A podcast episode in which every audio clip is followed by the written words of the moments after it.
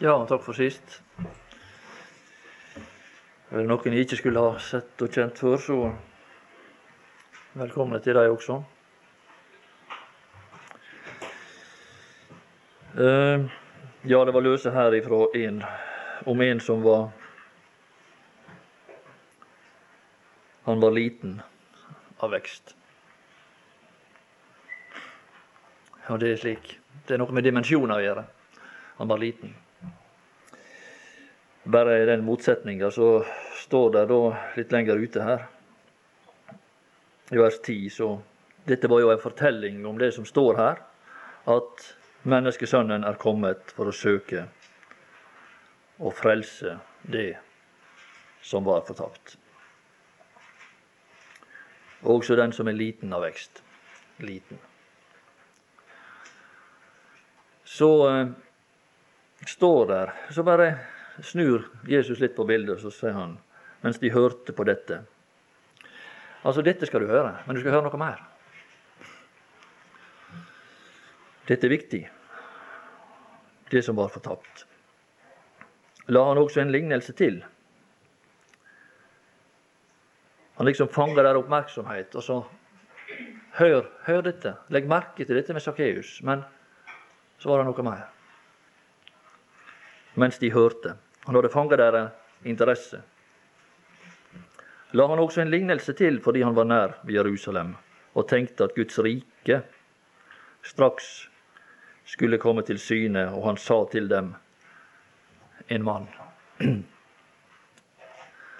En mann, men ikke noen liten mann, men en mann av høy byrd. Denne mannen, det var han sjøl. Denne mann, det var han sjøl, den høye mann. Dro til et land langt borte. Å leve i spenningsfeltet mellom disse to land, mellom disse to personer, mellom en liten mann og en stor mann, det skaper en viss forståelse av dimensjoner. Og siden det sto her, så tenkte jeg bare å knytte det til det som vi skal bringe inn i den sammenheng som vi skal tale om, nemlig litt dette aspekt med kongen som vi finner i 1. Timotius og 2. Timotius brev, som vi også talte om i sommer. Vi hadde lyst til å fortsette litt på den tankegangen. For det er intet, ingen sammenheng der som Paulus tar opp, som taler så mye om Kristus som kongen, som nettopp disse to Timotius brev. Kongen. Kongemakt. Vel, vi legger merke til Paulus i 1. Timotius 2. Så løfter han sine øyne til de som sitter i høye stillinger. Han sier det der at jeg formaner fremfor alle ting at det gjøres bønner, forbønner. Skal lese det slik som det står her.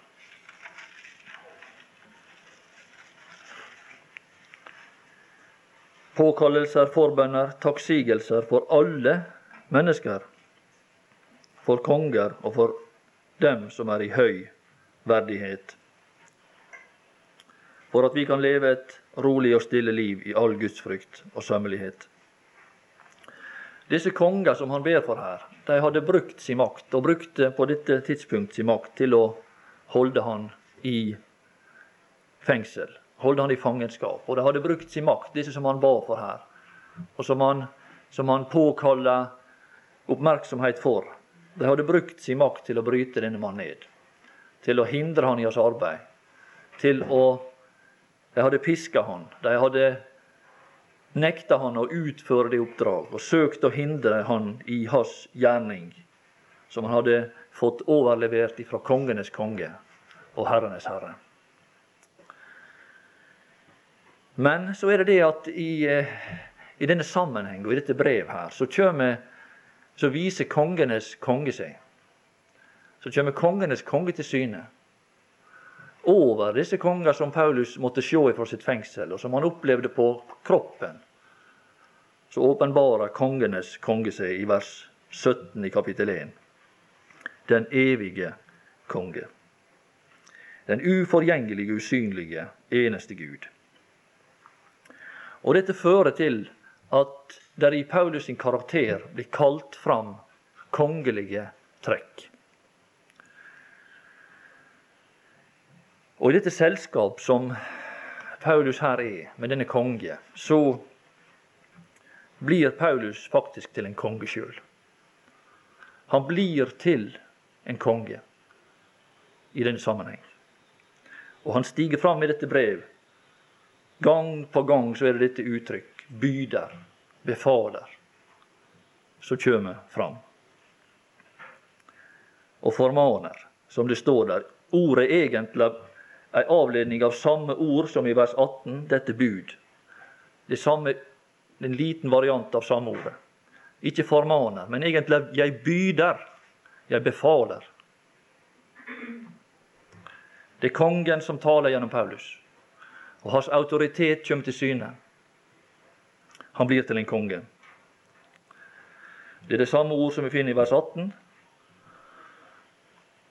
I forbindelse med at der kongen kommer til syne i vers 17. Og straks kongen kom til syne i vers 17, så kommer dette, dette bud overgir jeg deg, Timotius. Kongen kommer fram, og hans autoritet kommer fram der, gjennom Paulus. Og han er i sannhet en konge. Og denne kraft, denne autoritet fra denne evige konge, den er så overveldende den løfter Paulus opp over alle sine omstendigheter. Og Det som egentlig skjer her, det er at fangen han blir til en frimann. Ved denne autoritet, ved dette selskap som kongen er for Paulus, så blir han til en frie mann. Og ikke bare det, men det som egentlig skjer, det er at trellen blir til den egentlige keiser. Til den egentlige konge. Det er det som skjer. Og Derfor så er det egentlig midt i Rom så er det egentlig Paulus som tar kommandoen. Det er han som, som er i stand til å utvirke noe i Rom. Det er han som er i stand til å gjøre noe i denne sammenheng. Hva er det han gjør? Jeg byder, sier han. Han sitter i sitt fengsel innelukka i sine omstendigheter. Men ingen kan hindre kongen i å virke. Ingen kan hindre denne mannen i å fungere, fordi han fungerer i forbindelse med den evige konge, den usynlige, eneste Gud. Ingen kan hindre han. Og Derfor er det som konge at Paulus sender ut ei ordre. Og og han formaner. Han byr det egentlig. Han er Guds representant i Rom. Og han byr det egentlig hva som skal skje, og hva som skal utvirkes i denne sammenheng. Og Det er på en måte et slags kongelig dekret som Paulus her fører fram. Og det er han som er i stand til å føre inn det som kan være til det beste for mennesket i Rom. Jeg vil, jeg formaner for alle mennesker. Alle mennesker i Rom var i Paulus sitt hjerte. Og det var han som var i stand til å framføre ei vilje for disse menneskene.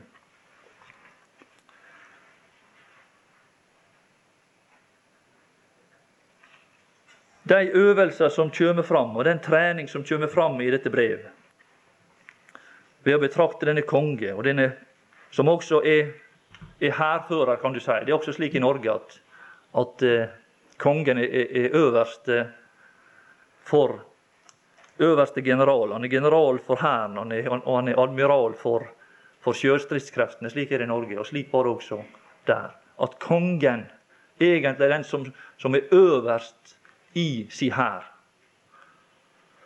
Og det som, som kommer fram her, når vi betrakter kongen, det er de ting som han virker i oss. De forbereder oss egentlig for dette riket. For dette Guds rike som vi las om i Lukas.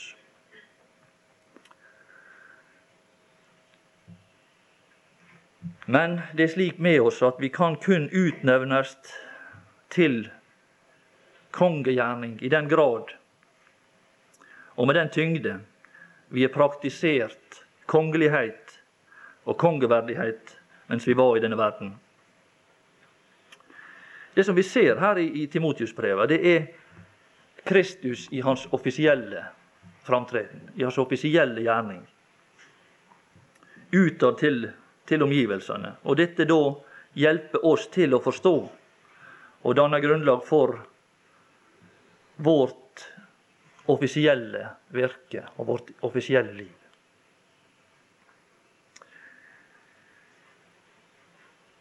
Men det er slik, vet vi, at de sanne konger de er satt til side i denne, i denne tid. De er bortgjemt, slik som Paulus var i fengselet i Rom. Og de vil kun bli åpenbart når den tid kommer. Og det står i de skal være konger på jorden. Og det skal Paulus også være. Og det skal alle være som har framvist sanne kongelige trekk i tida. Som har betrakta kongen Vi kan sjå Du ser det at Paulus sitt rike er stort. Neros rike var stort, men Paulus sitt rike var større. At det gjøres forbønner, takksigelser for alle mennesker. Her er et hvitt rike. Her er et stort rike. Paulus i et stort rike. Nero sitt rike var imponerende, men Paulus sitt rike var større. For alle mennesker. Og det var ingen det var ikke bare at det var stort i utstrekning, men det var stort når det gjaldt sosial rang. Og, og, og opp og ned på rangstigen. Det var ingen som ikke var i Paulus sitt hjerte. For alle mennesker. Og i disse to brev viser han at ingen Ikke bare at han var i stand til å tale om det, og, og, og liksom med munnen gi uttrykk for at han syntes om alle, men han viste det ved gjerning. Og han viste det ved sitt liv. Han besegla denne uttalelse ved sitt liv. At alle var i hans hjerte. Uansett hva de var. For alle mennesker. Ja, det er vel Det er alle, ja. Ja, det er vel alle. Men ikke Nero. Er også Nero. Og også han. det er dyr av et menneske.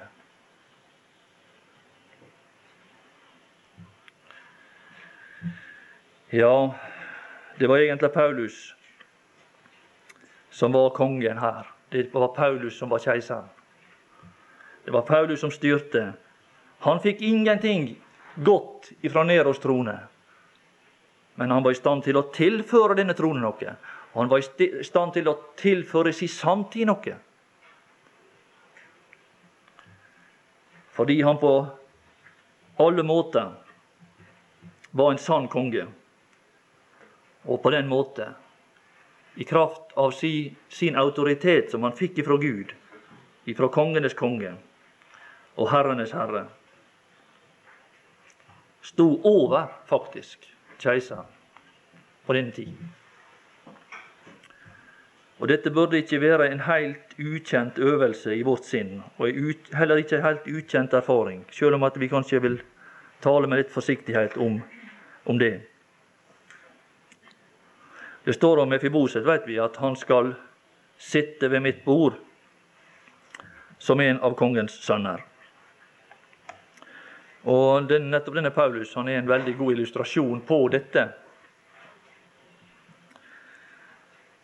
virkelighet av dette forbildet.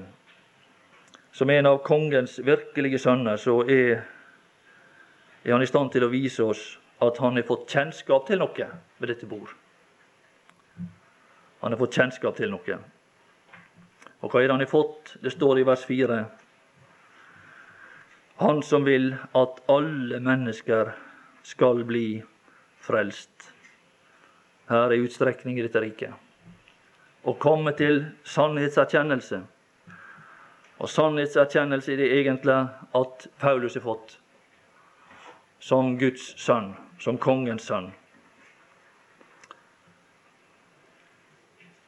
Og hvorfor er det han har fått kjennskap til denne virkelighet, til denne sannhet? Fordi at han som er konge, han er også alle menneskers frelser. Og han ønsker å gi oss der ved bordet, ønsker å gi oss kunnskap om sine hensikter med hensyn til alle mennesker.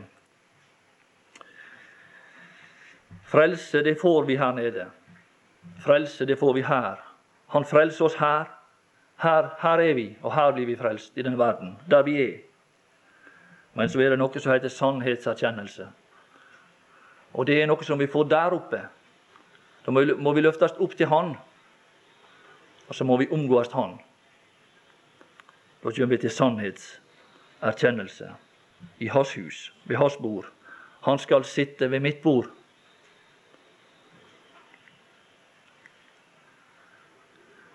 Så kommer det et uttrykk, et begrep her, vers 5, som gir oss et begrep om innholdet i den erkjennelse, og som er viktig i denne sammenheng. For der er én Gud, står der. For der er én Gud. Og her er, er denne store hemmelighet, det store innhold når vi kommer til sannhetserkjennelse, hva er det vi møter der når vi skal til å erkjenne denne sannhet? Når vi skal møte det som skjuler seg i denne sannhet, denne erkjennelse, hva er det vi da kommer til å erkjenne? Der er en Gud. Det er det store hemmelighet.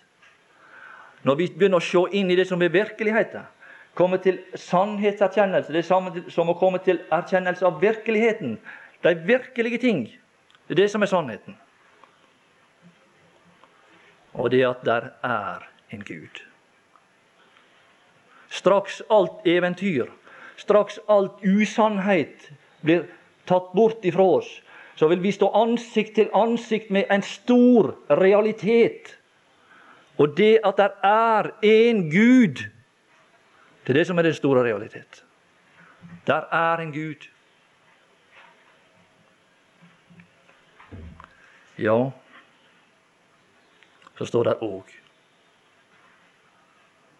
Ja, vidunderlige sannhet. Og Gud er ikke aleine. Heldigvis er han ikke aleine. Men når vi betrakter Gud her i denne sammenheng, så er han en aldeles utilnærmelig skikkelse. Vi kommer til erkjennelse i samme Før du liksom får drage pusten, så får du øye på der. Når, når sløret blir dratt til sides, når løgnen må vike, så ser vi to personer der. Og der er en mellommann imellom Gud og mennesker. Mennesket Kristus Jesus. Og det er viktig for oss å komme til et begrep om, en forståelse av, disse to personer og den karakter som de har om vi skal kunne inngå i Paulus sitt arbeid, i hans forståelse og i hans liv. For uten venner, denne mellommann, imellom Gud og mennesker, så er Gud aldeles utilgjengelig. En majestet, ei allesteds nærværende, rettferdig, hevnende virkelighet over den aller minste synd. Denne Gud. Der er en Gud. Den uforgjengelige, usynlige, eneste Gud. Den salige og alene mektige. Han som bor i et lys som ingen kan komme til. Han som intet menneske har sett eller kan se.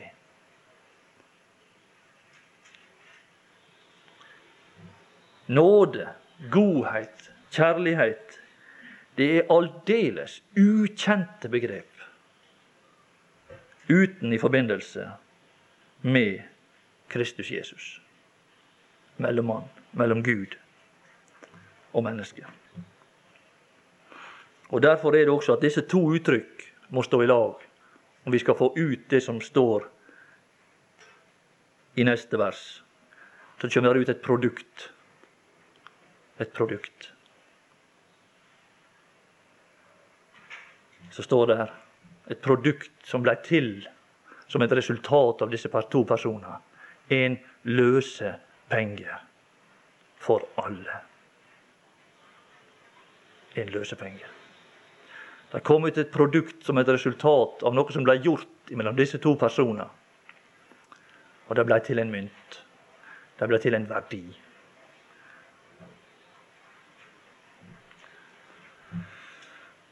Og forløsningen som vi finner i Romerbrevet, det er beskrevet som et verk gjort av Faderen og Sønnen. Av mellom mann og Gud.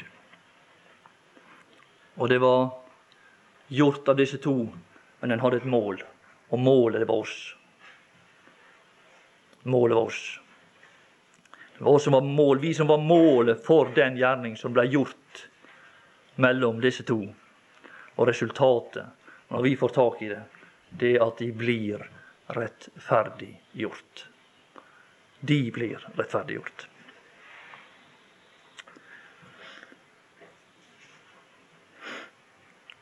Denne mellommannen, bare for å snakke kort om dette, han kommer ut, og på, på fullkomment vis så åpenbarer han Guds behov.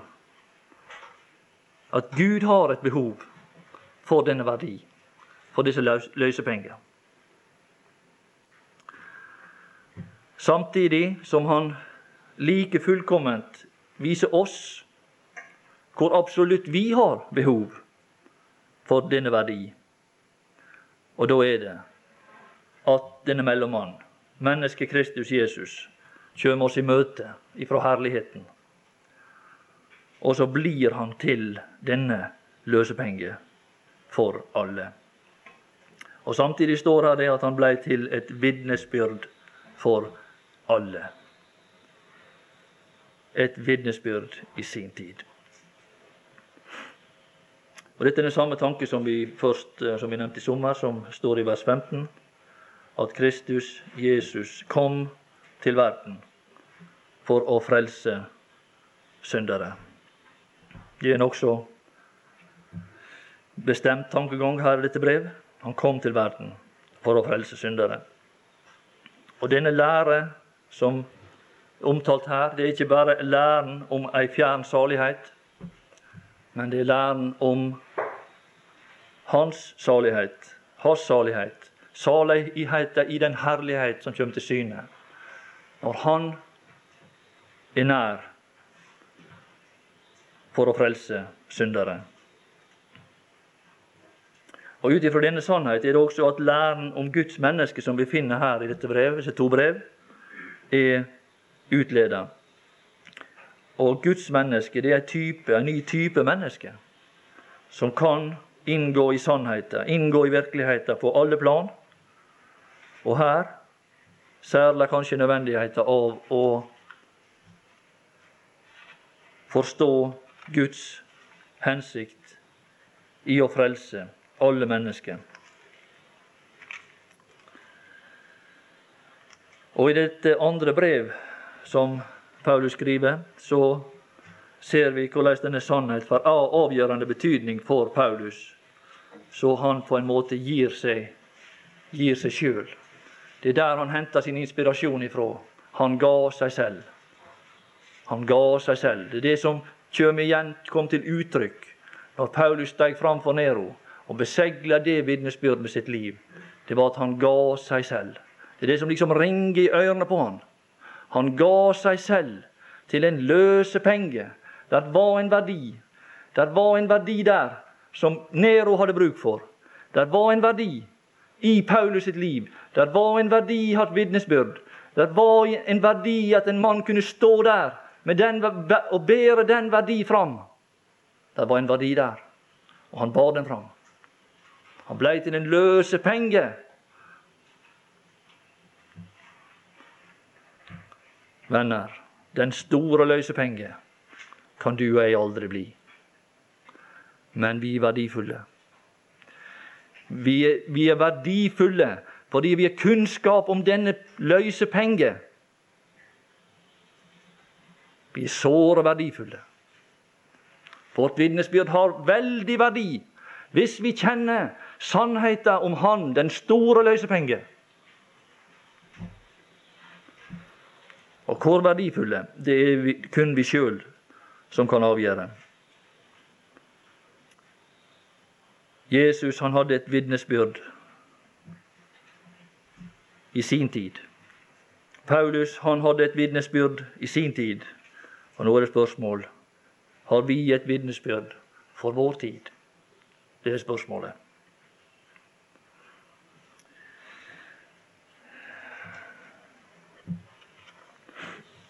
I det første kapittel der så ser vi ifra den høge fjelltopp. Vi ser ifra saligheten hos Gud. Og vi ser ned i to retninger. Og det eneste du leser når du skuer utover denne, denne fjelltopp, i den salige Guds herlighet, du ser i to retninger. Og du ser den blanke nød i alle retninger. Her står om, om uh, urettferdige, lovløse, selvrådige, ugudelige, syndere, vanhellige, urene fadermordere og modermordere. Og så står der på, på den andre sida av fjellet så står det et enkelt menneske, og det er Paulus. Jeg som før var en toller, nei, en, en, en spotter, forfølger og voldsmann. Det, det, var det, det, var det, Guds sønn også så utover. Og han kom til verden, står det, for å frelse syndere.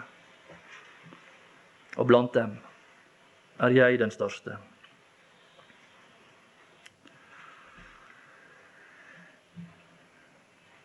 Og det er nettopp dette som er bakgrunnen for det som står om forløsningen. Der loven, det står om loven, ikke er satt for en rettferdig.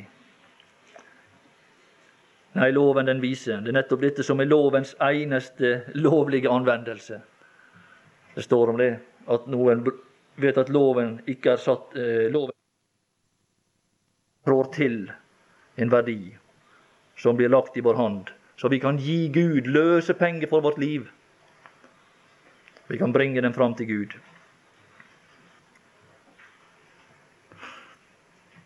Og denne løsepengen som vi her taler om, den er så verdifull at den kan løse oss fra dødsstraff og for overtredelse av Guds lov, loven.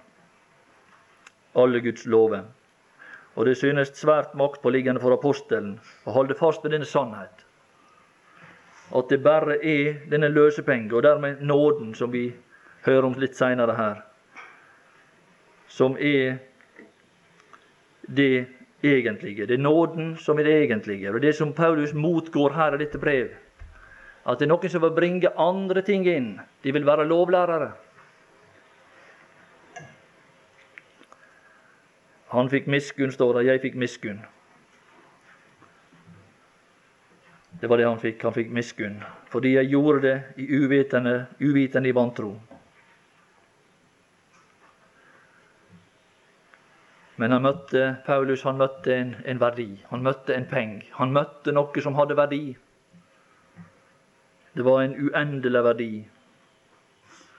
Og han opplevde det at det var et skinn av denne gullmynt, av denne peng, som, som eh, virkelig var i stand til å løse han ut. Det var skinet av den uendelige herlighet. Og så begynner han å, å, å se på denne verdi. Og litt lenger nede så står det at ikke bare at han fikk nåde, at han fikk miskunn, men det står det at i vers 14 og Vår Herres nåde, så legger han et ord til denne nåde. Da har han hatt litt tid og gjort seg kjent med denne verdi. Og så står det det ble over vettes stor. Han har begynt å se på denne verdi. Hva stor var det, den egentlig? Og hva slags verdi var det han hadde fått i hende og blitt kjent med?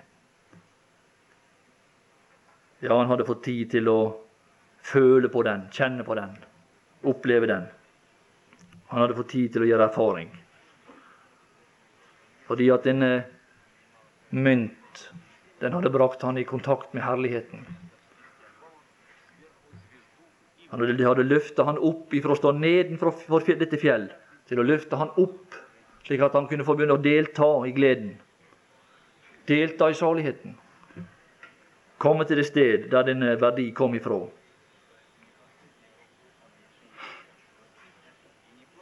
Og Det er nettopp det som kommer til uttrykk her nå når vi er kommet til kapittel 2. Så er det at det er disse virkninger av nåden som kommer til uttrykk. Når Paulus står i herlighet, han er kommet i kontakt med denne salighet, han begynner å oppleve dette som er aldeles utilgjengelig for et alminnelig menneske.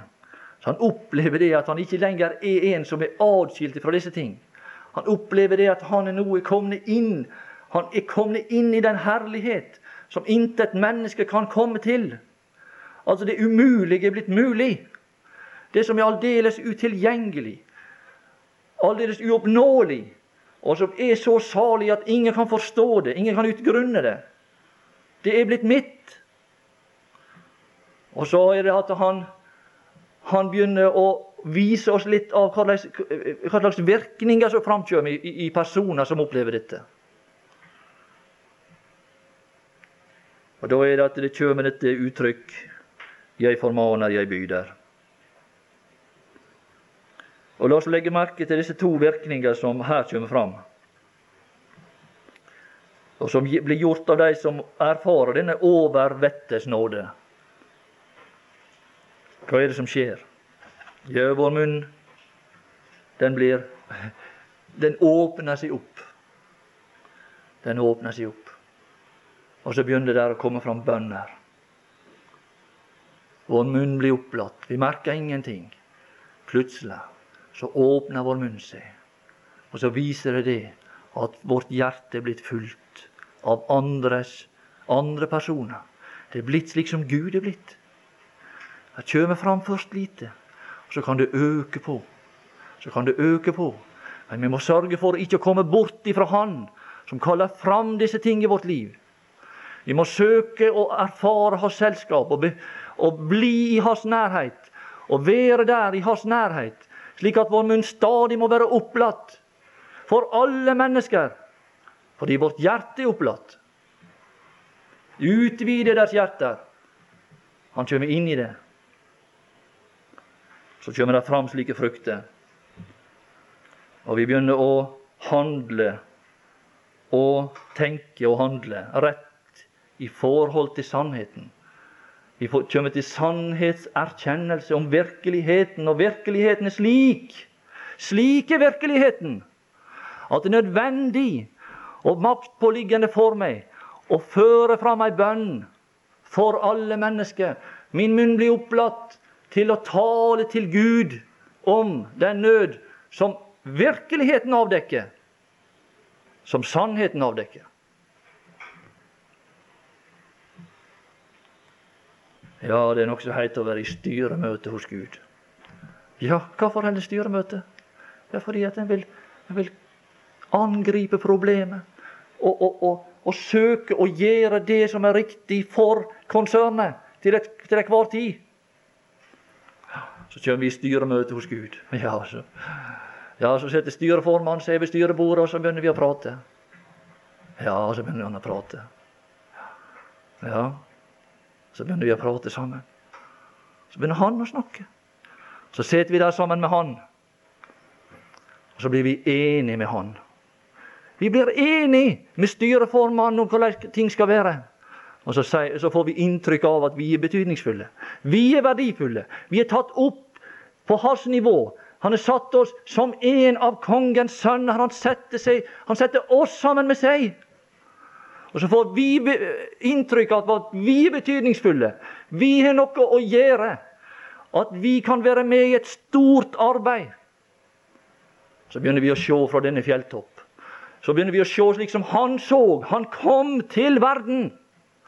Vi begynner å innånde litt av den atmosfære som gir oss til slike personer som kan gå ut i denne verden. Vi kan kun gå ut ifra herligheten. Det er sannheten. Det heter ikke å gå ut uten at vi har vært inne. Å være inne, det er å være inne i Hans hus.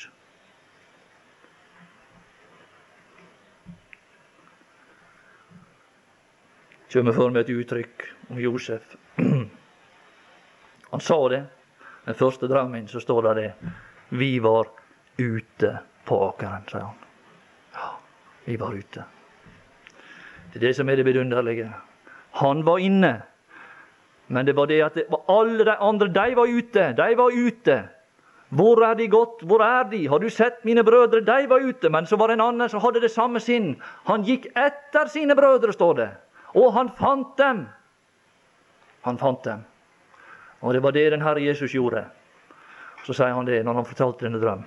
Vi var ute på åkeren.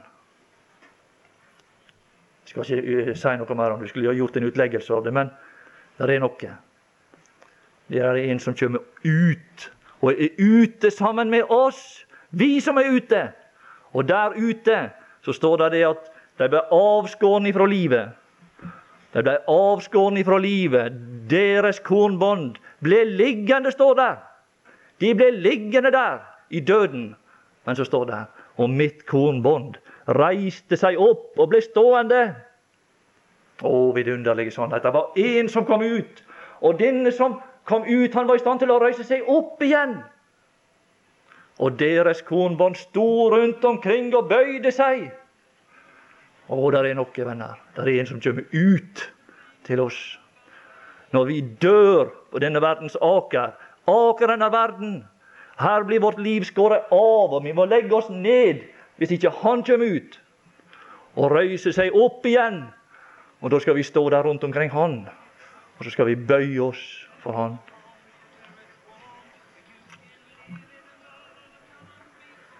Ja, ja, skal vi gå ut?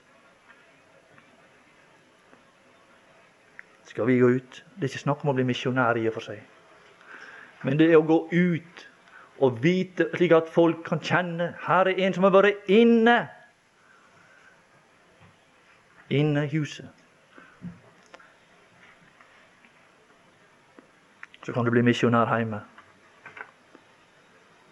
Så kan bli, ikke, ikke du, men jeg. Jeg kan bli misjonær. Alle kan bli misjonærer som har vært på fjellet hos Gud, i saligheten. Ja, at det gjøres bønner.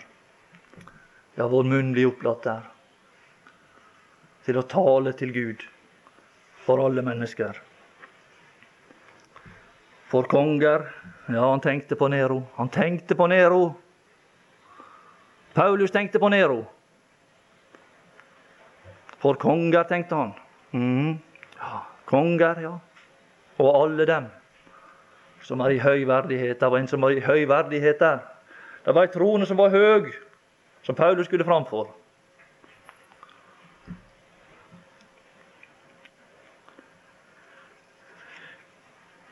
Ja, det er ei anna virkning. Når vi kommer ut av styremøtet, og vi har talt våre venners, alle mennesker si sak, til Gud så var det en annen virkning som også kommer der. Da taler vi igjen. Men hva taler vi da? Da taler vi til alle mennesker. Da taler ikke vi til Gud, men da taler vi til alle mennesker. Men hvordan taler vi da? Da taler vi, med våre liv. I det vi lever et rolig og stille liv i all Guds frykt og sømmelighet. Det er det som er tankegangen her. For at vi må leve et rolig og stille liv i all Guds frykt og sømmelighet. Det er det som er tankegangen. Vi skal være i, i styremøte hos Gud, og det skal ha to virkninger. Vi skal tale da til Gud, bære fram alles nød og alles behov om frelse. Og når vi har gått ut fra styremøtet, så skal vi tale like fullkomment til denne verden her. Ved vårt rolige og stille liv. Hva har vi fått det? Det vi fikk vi nettopp i huset hos Gud. Vi var der i hans nærhet, og vi var i huset. Og så blir vi prega av dette hus. Og så kommer vi ut derifra, og så lever vi et rolig og stille liv med all gudsfrykt og sømmelighet. Det er tankegangen her. Og disse to virkninger, de har, disse to ting har denne virkning at folk blir frelst. Det er dette som er sjølve funksjonen. For dette er godt og tekkelig for Gud vår Frelser, Han som vil Se her kommer viljen fram. Han som vil at alle mennesker skal bli frelst. Og det er på disse to måter det skjer. Det er nettopp slik det skjer. Ved at Paulus bringer fram denne hensikt. Han tilskynder til denne bønn, og han tilskynder til dette liv med denne hensikt. Han som vil at alle mennesker skal bli frelst og komme til sannhetserkjennelse. Eller virkelighetens forståelse, om du vil heller vil bruke det uttrykket. Og på denne måte så er vi egentlig en videreføring av mellommann. Da tar vi preg av mellommann. Så blir også vi til mellommenn.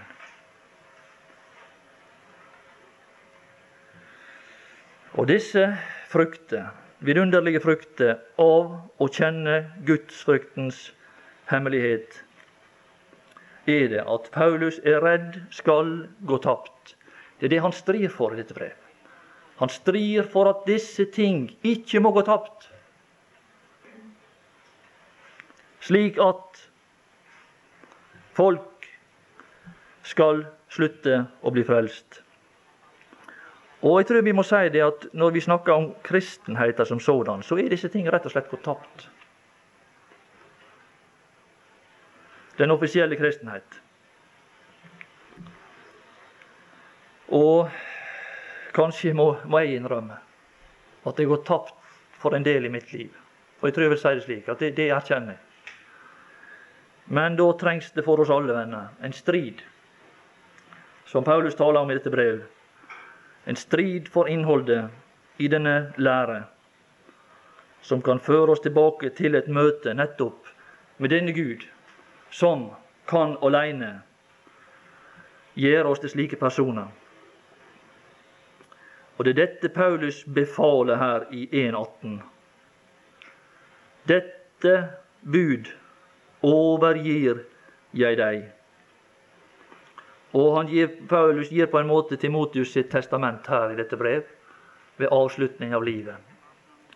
Så er liksom han vil overføre sine verdier til sin venn, og det er dette som er verdien. Det er dette som er sjølve testamentets innhold. Verdien som han fører videre til Timotius. Og han skriver også her hvorfor det er så nødvendig å føre en vedvarende kamp for innholdet.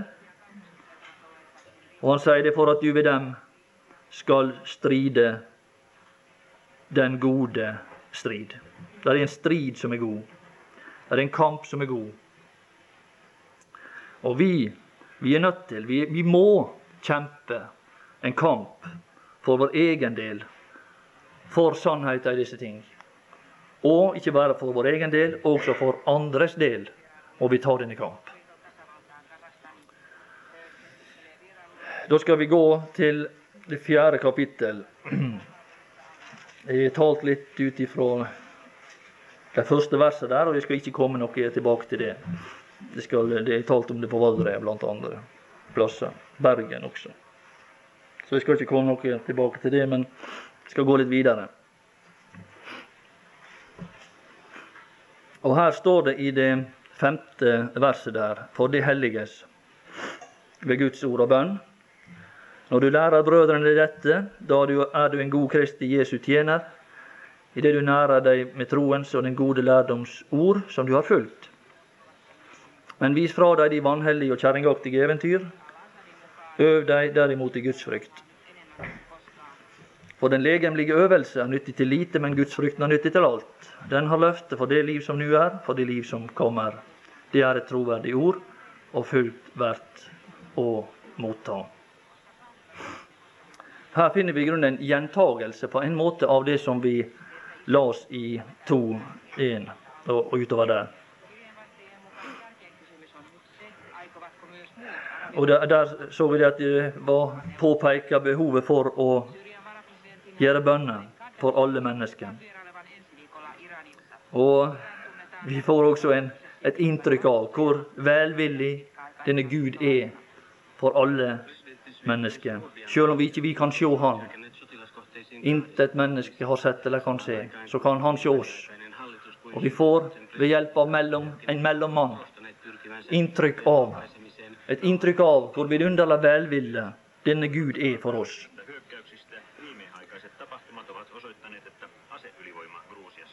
Og det er ikke, det er ikke vår velvilje. Vi er jo kanskje som vi mener vel kanskje det at vi er snille og velmenende mennesker, men det er ikke det, venner, som setter oss i stand til å hjelpe andre. Nei, hva er det her som må til? Det står i vers 5 for det helliges ved Guds ord og bønn. Her er Guds ord og bønn. Her har du to ting igjen. Du er Guds ord, Han som taler til oss. Her er styreformannen igjen som taler. Og så er det bønn. Da taler vi til Han. Så blir vi enige. Så blir vi enige om hva som er nødvendig, og hva som er unødvendig med denne bønnen. Det er det som er saken. Bønn er ikke, er ikke ofte det som vi tror. Liksom, at bønn det er liksom, Nå skal vi overlate Gud alle våre problemer. Nei, bønn er noe langt mer. Og så liksom går vi ut ifra bønna, og så tenker ikke vi mer på det. Nei, bønn er noe å komme sammen med Gud, og så omdannes vi i hans nærhet. Vi snakker om ting, og så blir vi uten å vite det blir vi forvandla ved denne bønnen. Og så går vi derifra med et, et inntrykk vi ikke hadde før. Det som er bønn. Vi kommer inn i hans nærhet.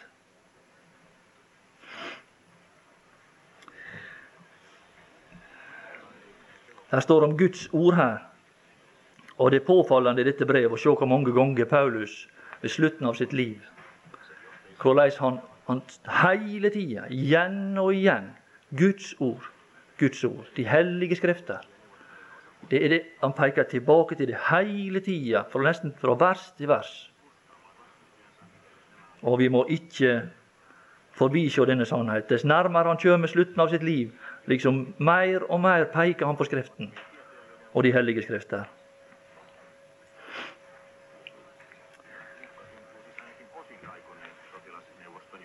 Så står det et uttrykk som ikke sto i, i kapittel 2. Der står at de, de helliges ved Guds ord og bønn. Og her er det forholdet mellom mann og hustru som blir blir hellige ved Guds ord og bønn. Altså det blir satt til side. Det blir tatt ut av sin jordiske sammenheng, og så blir det satt til side for et guddommelig formål. Ved Guds ord og bønn. Vi går inn til styreformannen, og så tar vi en prat med honom. Ja, Vi ber over disse ting. Også forholdet mellom mann og kvinne. Så går vi inn til Gud, og så snakker vi om, med, med formannen om hva han mener. Og så kommer vi til en forståelse. Så kan vi ved denne bønnen ved at Han taler til oss, og vi taler til Han, så kan disse ting settes til, tas ut. Tas ut av denne verdens forvirrelse angående disse ting, og settes inn i en guddommelig sammenheng ved at Han får tale til oss, og vi taler til Han. Det, det, var den ting. Det settes til side på guddommelig vis. Ja, det er noe som skjer én gang i livet. Som skjer én gang i livet. Det forhold der. At vi gifter oss og går inn i et slikt forhold. Men så er det noe annet også. Det er vidunderlige ting. Vet du hva det står?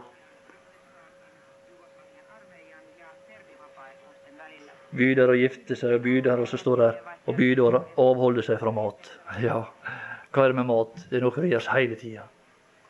Så kan det som er så trivielt, det som er så trivielt som å ete og drikke, det kan også ved Guds ord og bønn tas ut av sin daglige eh, eh sammenheng og settes til side for et guddommelig formål, så kan det også få et guddommelig innhold, egentlig. Alle ting ved Guds ord og bønn.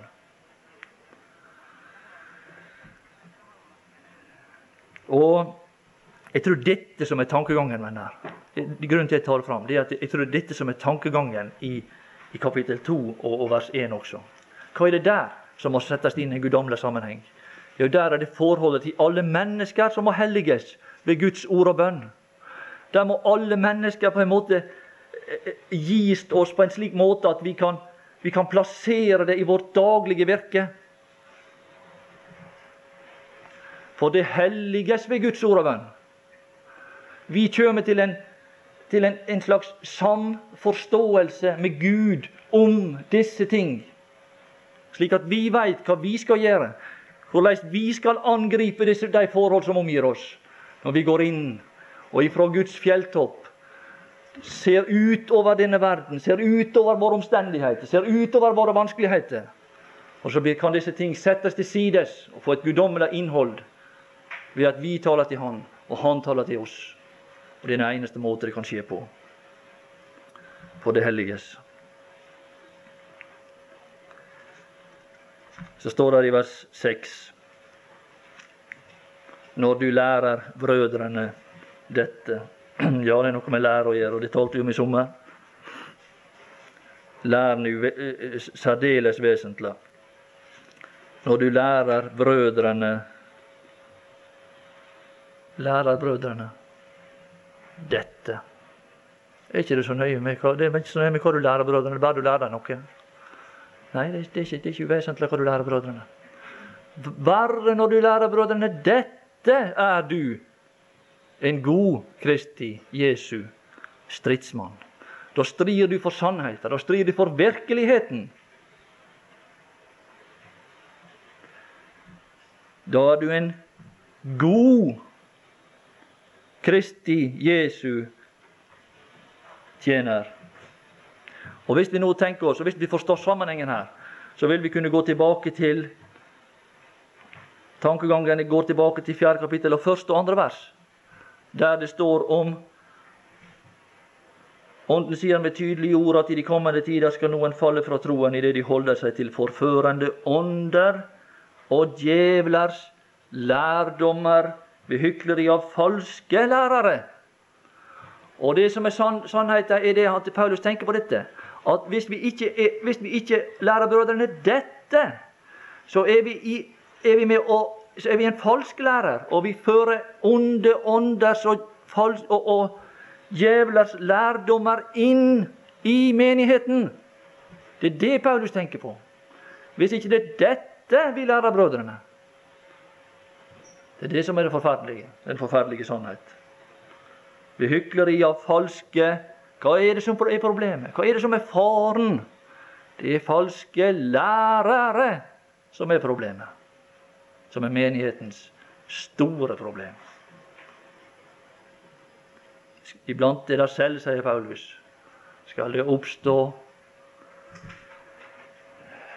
falske lærere som fører ja, nå, nå er jeg ikke å sitere det, men det står der i fostergjerningene. Menn som fører forvent tale. Det er lære som er problemet, som han ser som problemet hele tida. For å lokke disiplene etter seg. Er det samme problem hele tida.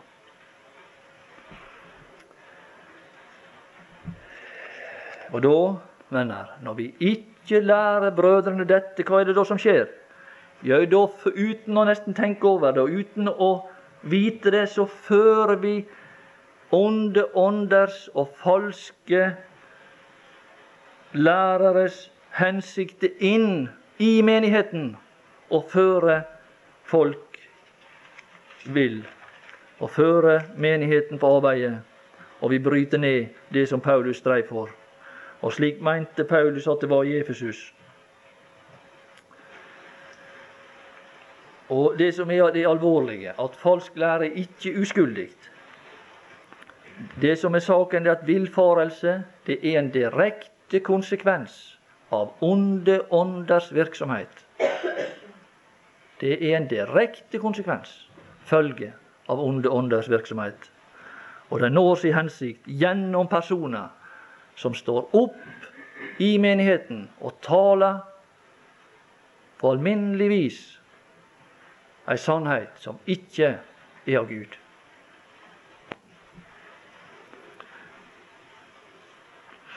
Da er du en god Kristi Jesu tjener. Og igjen viser Paulus til ordet idet du nærer deg med troens og den gode lærdomsord som du har fulgt. Her er ordet igjen. Guds ord. Hva var hensikten med disse onde ånder? Og for disse onde ånder og disse djevlers lærdommer, hva var hensikten deres? Hva er hensikten det står i vers 3, som forbyr å gifte seg og byr å avholde seg fra mat? Det var at menigheten og den enkelte troende ikke skulle få del i den mat som er i Kristus, den næring som Han vil tilføre de troende, som byr å avholde seg fra mat. Det er det som er den hele hensikt. Det er det som er den fullkomne og fullmodne hensikt med disse onde ånders virksomhet. Og det er den samme virksomhet som djevelen hadde fra begynnelsen, da hun skilte Eva ifra Adam i Eden. Det er akkurat det samme som står her. Men det er vidunderlig fint å lese vers 6. Ja, det er fint å lese hva det står om der. I det du nærer deg. Ja, ser du det? Ser du det? Her var det noen. Her var det en. Her var det en som fikk den mat som han skulle ha. Hvor langt kan onde ånders Hva er det som kan sette ei grense og avgrense onde ånders og djevlers lærdommer? Og deres innflytelse, hva er det? Hva er det? Hva er det som kan avgrense, gjøre en avskjæringsmanøver? Hvordan kan stridsmannen gjøre en avskjæringsmanøver for disse som, kjømer, som velter seg fram? Som ånd, disse åndsmakter som, som blåser fram over denne verden. Her er krigere som kan røyse seg opp til strid imot disse ting. Paulus var en av dem. Hvordan kan det skje? Hvor langt når din innflytelse? Den når til det punkt som det står om her. Her står det i vers 3. Som forbyr å gifte seg og byr å avholde seg fra maten som Gud har skapt til å nytes, med takk. Ja, venner, her er noen som sitter i ro og fred, tross din innflytelse nytes med takk av dem. Her er noen som kan nyte denne mat, som tror, og som har lært sannheten, virkeligheten, å kjenne. Den som erkjenner sannheten, han kan sitte i ro og mak og nyte sin fred med Kristus. Han kan få den mat ifra Kristus som han har behov for. Og disse lærdommer, disse onde ånder og disse forførende ånder, og disse djevlers lærdommer de når ikke fram til vedkommende med sine hensikter. Og det står så fint idet du nærer deg med troens og den gode lærdoms ord. Her kommer maten fram til rette vedkommende. Men da må vi, venner, tro, og vi må ha lært sannheten å kjenne. Uten så er vi et bytte. Så er vi et bytte, venner. Og vi blir avskårne fra den mat som er i Han. Og vi kjenner ikke til den næring som er fra Han, fra vår mann i himmelen. Det er sannheten. Hva fant, hva fant denne personen her? Hva fant Timotius sin mat? Ja, Guds ord står her først, kapittel vers 5 idet du nærer deg i vers 6 med troens og den gode lærdomsord. Hva fant Timotius sin mat? Han fant det. Han fant denne mat i Ordet, i Skriften. Og der skal også du finne din mat, i Skriften.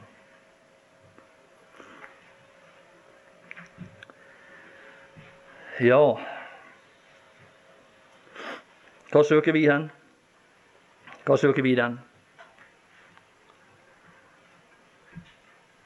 Hva er det som kommer ut av denne mat? Så står der Da er du en god Kristi Jesu. Hva er det som kommer ut av denne mat? Ja, det kommer tjeneste ut av denne mat. Da er du en tjener. Da begynner det å tales her om en tjener. Og Det som egentlig har vært talt om her, og som har eh, vært talt om helt til nå, det er faktisk ei kvinne. Og vi forbinder ikke ei kvinne med tjeneste.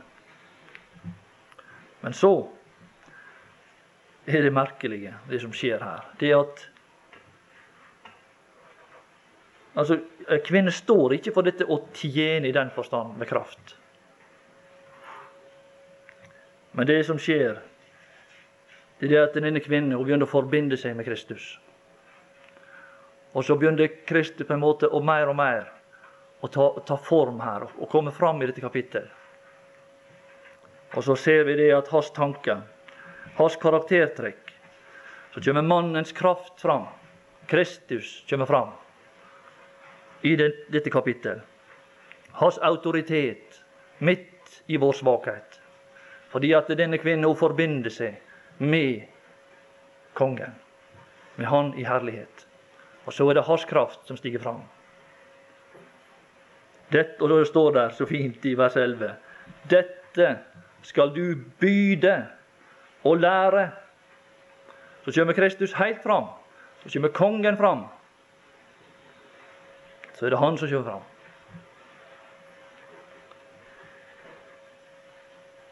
Hva står det i vers 7?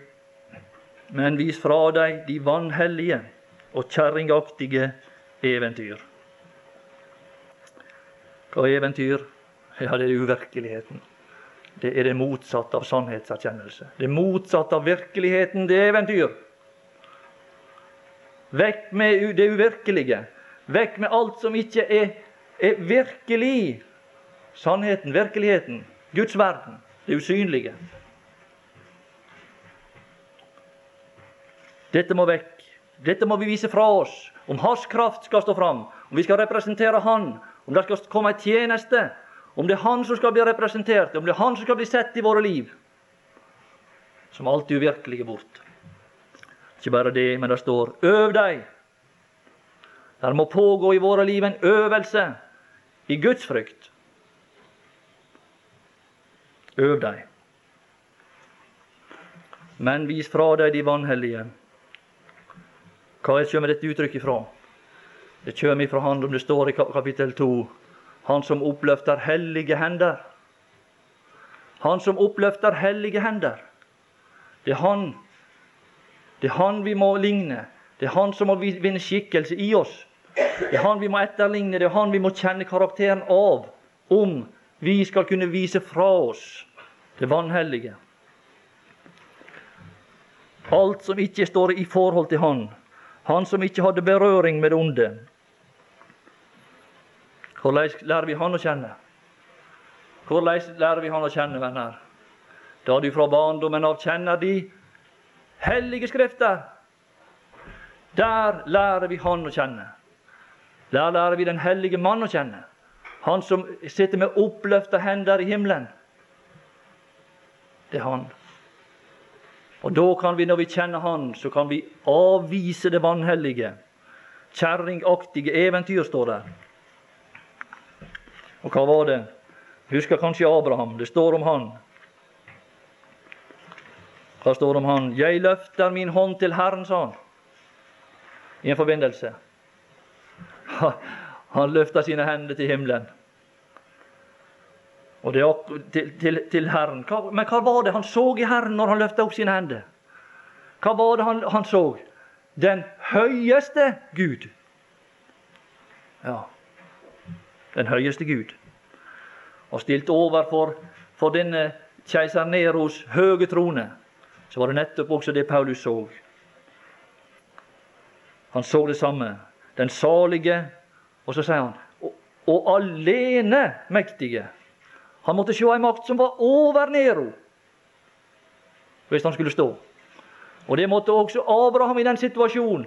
Han, var, han sto i fare for å bli neddynga med sølv og gull. Ja, han sto i fare for det. Og det var jo kjekt. Ja, det er kjekt. Han sto i fare for å bli neddynga med rikdom. Men det skulle kraft til. Og Da måtte han, han, få en forståelse av at han var kommet i kontakt med en høyere person. En høyere kraft. Nå, en person som var i stand til å berike ham mer enn disse ting. Og Derfor så løfta han sine hender.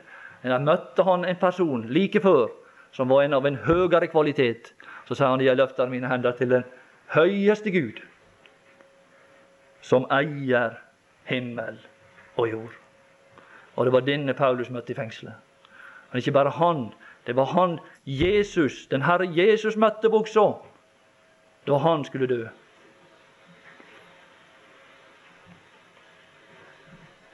Hva sa Abraham? Jeg vil ikke. Og her er hans bekjennelse. Her er hans verbale uttrykk som kommer fram her i 1. Timotius brev som den gode bekjennelse. Dette her er det som kommer til offentligheten. Det er det vårt vitnesbyrd utad. Jeg vil ikke ta så meget som en tråd eller en skorem av alt det som dette er, for at ikke du skal si 'Jeg har gjort Abraham rik'. Og det er dette som egentlig er innholdet i den gode bekjennelse. Det er dette som er vår bekjennelse utad til denne verden.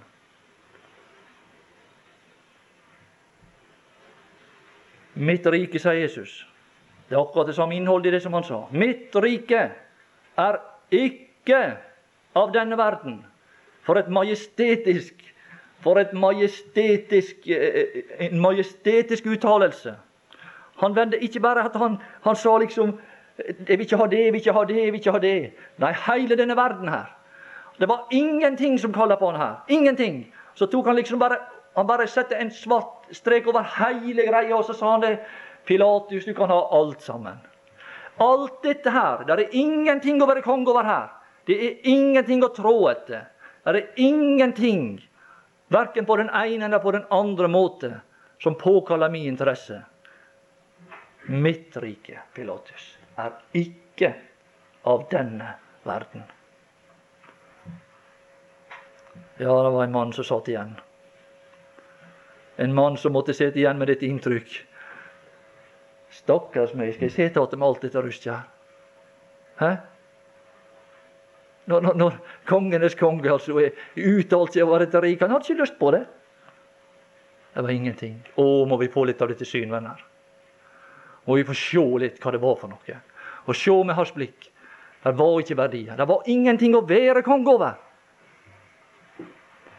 Det var ikke liksom at han tok seg sammen og sa liksom, må nå prøve å være litt kristeligere og liksom uh, virke litt grann, lite, lite maktsjuk og liksom prøve å, å lest som at jeg er ikke så veldig jeg er ikke så veldig interessert i jordiske ting og makt og slike ting. Og han kjente til ei verden av salighet. Der alt var moralsk totalt annerledes enn det som han så rundt seg der. Han drogst ikke mot nok i denne verden. Tenk å kunne si det av et fullt hjerte. Ingenting har jeg lyst på. Ingenting vil jeg ha. Ingenting. Mitt rike er ikke av denne verden. Kjenner ikke vi hva vi drekst imot alle disse verdensting? Det må jeg si med, med sannhet. Jeg gjør det. Jeg drekst mot veldig mange ting i denne verden. Å, men det er bare å få se den, den salighet hos Gud. Få se den rikhet hos Gud. Få se den høyeste Gud, som eier, som har, og det han har. får se alt det han er besittelse av. Så kan jeg vende meg mot denne verden og si med et sant hjerte og løfte mine hender til himmelen og, og bli frelst ved at jeg ser hva Han har, hva Han har gitt, og hva Han har å tilby meg, og hva jeg nyter i det øyeblikket jeg sier det. Jeg vil ikke ha. Jeg vil ikke ha. Det er dette som er den gode bekjennelse. Ja, det står om noen Det står om han også. Mesteren, mer enn noen. Det står det at eh, han vant ikke den hele verden. Men det er iallfall en ting som er sikkert om han. Han tok heller ikke skade på sin sjel. For hva gagner det et menneske, sier mesteren en annen gang, om han vinner den hele verden, men tar skade på sin sjel? Hva er det egentlig, disse, disse kjerringaktige eventyr? Det er ikke akkurat et veldig slikt belasta uttrykk. Og vi, skal, vi kan holde litt moro med det, selvfølgelig, men, eh, men det, er ikke, det er veldig enkelt å forklare. Hva er det egentlig? Hva er det egentlig? Hvis vi forklarer det ut fra menighetens sammenheng, så er det lett å forstå. Hva er det? Det er når menigheten begynner å tenke på egen hånd. Begynner å handle på egen hånd. Da blir det fort uvirkelig. Hva, hva for? For vi som mennesker, vi må tenke. Når vi tenker, så tenker vi alltid galt. Men når vi tenker i forbindelse med Han, så tenker vi rett. Og Vi må ikke komme i den situasjonen at vi, at vi begynner å tenke på egen hånd. Da blir det kjerringaktige eventyr. Det løper på viddene med en eneste gang. Vi må tenke kun i forbindelse med Han. Det er det som er saken. Det er det som er dette kjerringaktige eventyret egentlig går på. Det er det som kommer fram i oss når vi ikke er opptatt med Han. Da, hva er det da som kommer fram? Da framkommer alt vårt eget. Og det er det som er kjerringaktig, enten det er mann eller kvinne. Ja, jeg vet ikke hvor lenge jeg har talt det nå, men det er vel en god stund. Så jeg tror vi bare må beslutte der. Vel, vi ser om vi kan komme liten grann videre i morgen.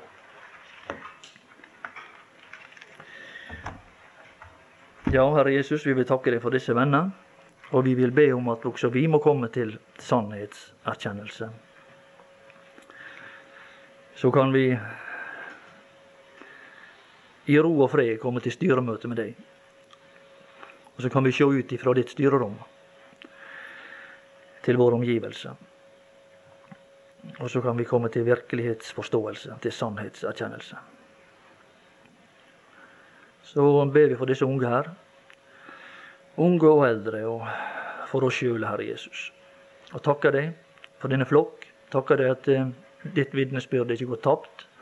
Takker deg for at noen er stritt for sannheten, også på dette sted. Amen.